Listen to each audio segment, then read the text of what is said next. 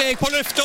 Mikrofon og alt har gått til balalaika. Da er det Balalaika med Alf Henden i studio igjen, og vi ser på historiske hendelser i uke ni. I dag tenkte jeg skulle ta to fødsler fra 1961. Begynner med Knut Nærum. Komiker, forfatter, tegneserieskaper og TV-underholder. Um, ja, Knut Nærum var jo i årrekke på den ene flanken i panelet i Nytt på Nytt. Ja. Uh, alltid med verbalt morsom uh, slagkraft der. Der ble han kanskje mest kjente for Han ble- eh, noen hver. Han ble nok det. Men jeg tenkte jeg skulle ta et par uh, bøker frem som han har skrevet. Han uh, har jo skrevet en del morsomme bøker, uh, ofte med parodi som form. Ja. Nevner bo boka 'Døde menn går på ski'. Det var jo en krimparodi, da, inspirert av André Bjerke. Og Den ble faktisk brukt som påskekrim i Radioteateret for noen år siden òg. Og så vil jeg gjerne nevne en bok som jeg kjøpte sjøl, Madonna-gåten. Det var jo en parodi på Da Vinci-koden da, til Dan Brown.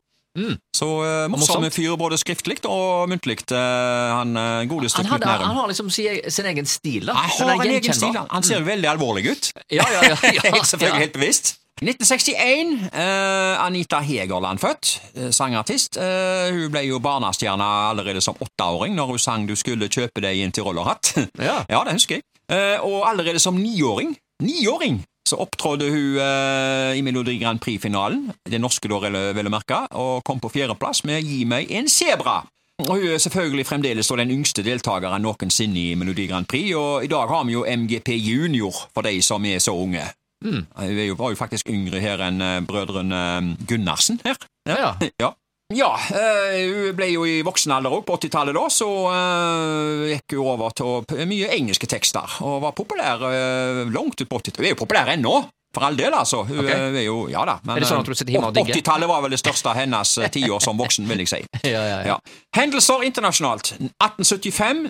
Operaen Carmen blir spilt for første gang. Og så, vet du, 1923. Det amerikanske tidsskriftet Time blir produsert for første gang. De ble kjent for sine årlige kåringer av Årets person, og da menes mest innflytelsesrike. Jeg kan nevne at For året 2020 så ble for første gang en duo kåra, nemlig Joe Biden og Camilla Harris. Og i fjor ble den amerikanske gründeren og forretningsmannen eh, Elon Reeve Musk kåra til årets person. Eh, og da jo, eh, det er jo han milliardæren. Ja stemmer det. Han, eh, Romfart og ja. Han eh, driver jo da SpaceX, og ikke minst Tesla. ja. Og Når vi ser på lista over tidligere vinnere jeg har gått igjennom, eh, da er det jo ofte amerikanere som blir kåra, men slett ikke alltid. Nå skal jeg trekke fram to som virkelig ikke var amerikanere. I 1938, hvem ble kåra da? Det ble Adolf Hitler. Såpass, ja? Ja, og året etter, hvem ble kåra da? Josef Stalin. Å ja, se det. Og han gikk også like godt til topps i 1942. Churchill, da. Han er kåra, han nå. Han er det, Han ja. er det, ja. Ja, Ja, ja. Det skal sies. Ja, Ja, ja, ja. det var altså uh, Donald Trump, Trump han uh, Donald Trump òg er kåra. Ja, ja. Veldig ofte så blir uh, den som nettopp er ny, den som er nylig valgt amerikansk president, han blir eh, veldig ofte kåra til årets person. Ja, Ikke jeg husker, så var det der bildet av eh, Trump at han eh, han var, var så mye fiskeboller med vann oppunder haka Ja, og holdt på å drukne. Ok.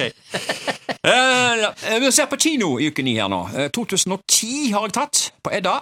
Eh, gikk filmen Alice in Wonderland. Det var jo en eventyrfilm da, med Johnny Ja. Depp. Den er jo legendarisk. Ja. Ja, ja, elleveårsgrensa på den. Og så gikk filmen Edge of Darkness. Det var jo en thriller med Mel Gibson.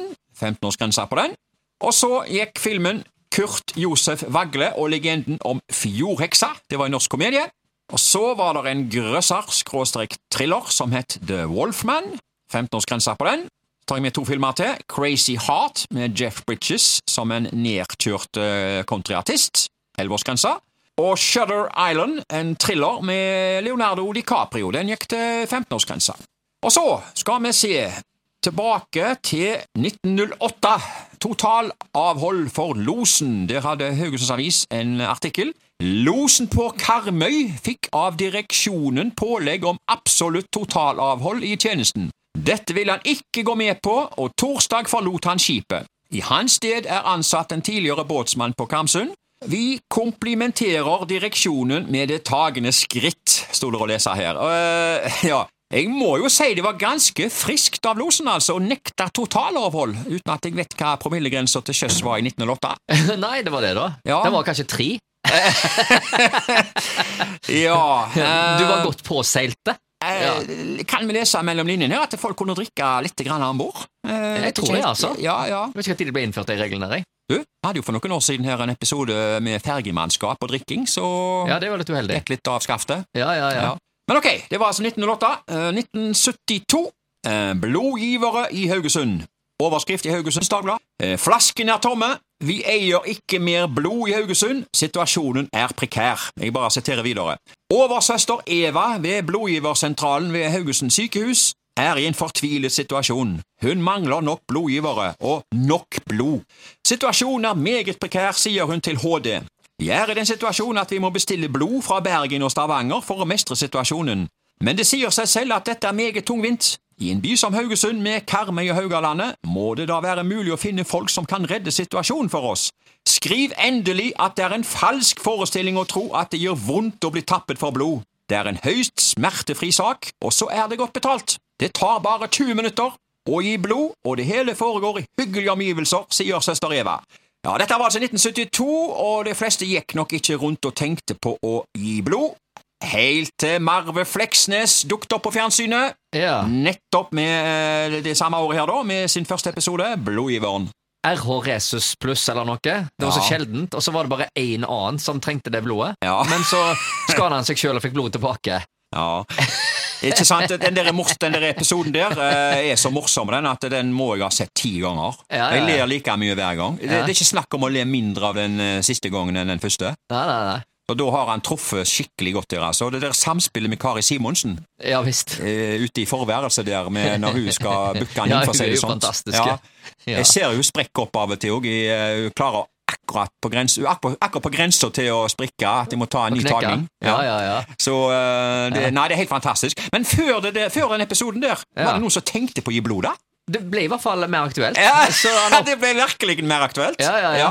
Så det er en sånn kampanje de kan kjøre en gang i året. Det er bare vise den noen ganger. Så Ja. minner folk på om at eh, ok, gi blod, det er en god idé. Men hvis vi holder oss til den episoden der, Ja. så var det mye styr for han å bli kvitt de der bloddråpene da. Ja. Og, og, ja, men når han Det ble jo han sjøl som fikk bruk for det til slutt. ja, stemmer det. stemmer det. Da er det egentlig bare én ting å spørre om, og det er. Blodgiveren med Marve Fleksnes! Oi! Hot or not? Det er hot! Det er hot! Du, det der med når le, lege, Det har jeg hørt mye om sånn leger og sykesøstre og sånt. Og ro, romantikk i hvitt og det der. der du, det har jeg lurt på litt. For hvis du er sammen med en eh, lege, og han er sammen med deg, eh, er det Driver dere da og vasker hverandre, da? Altså?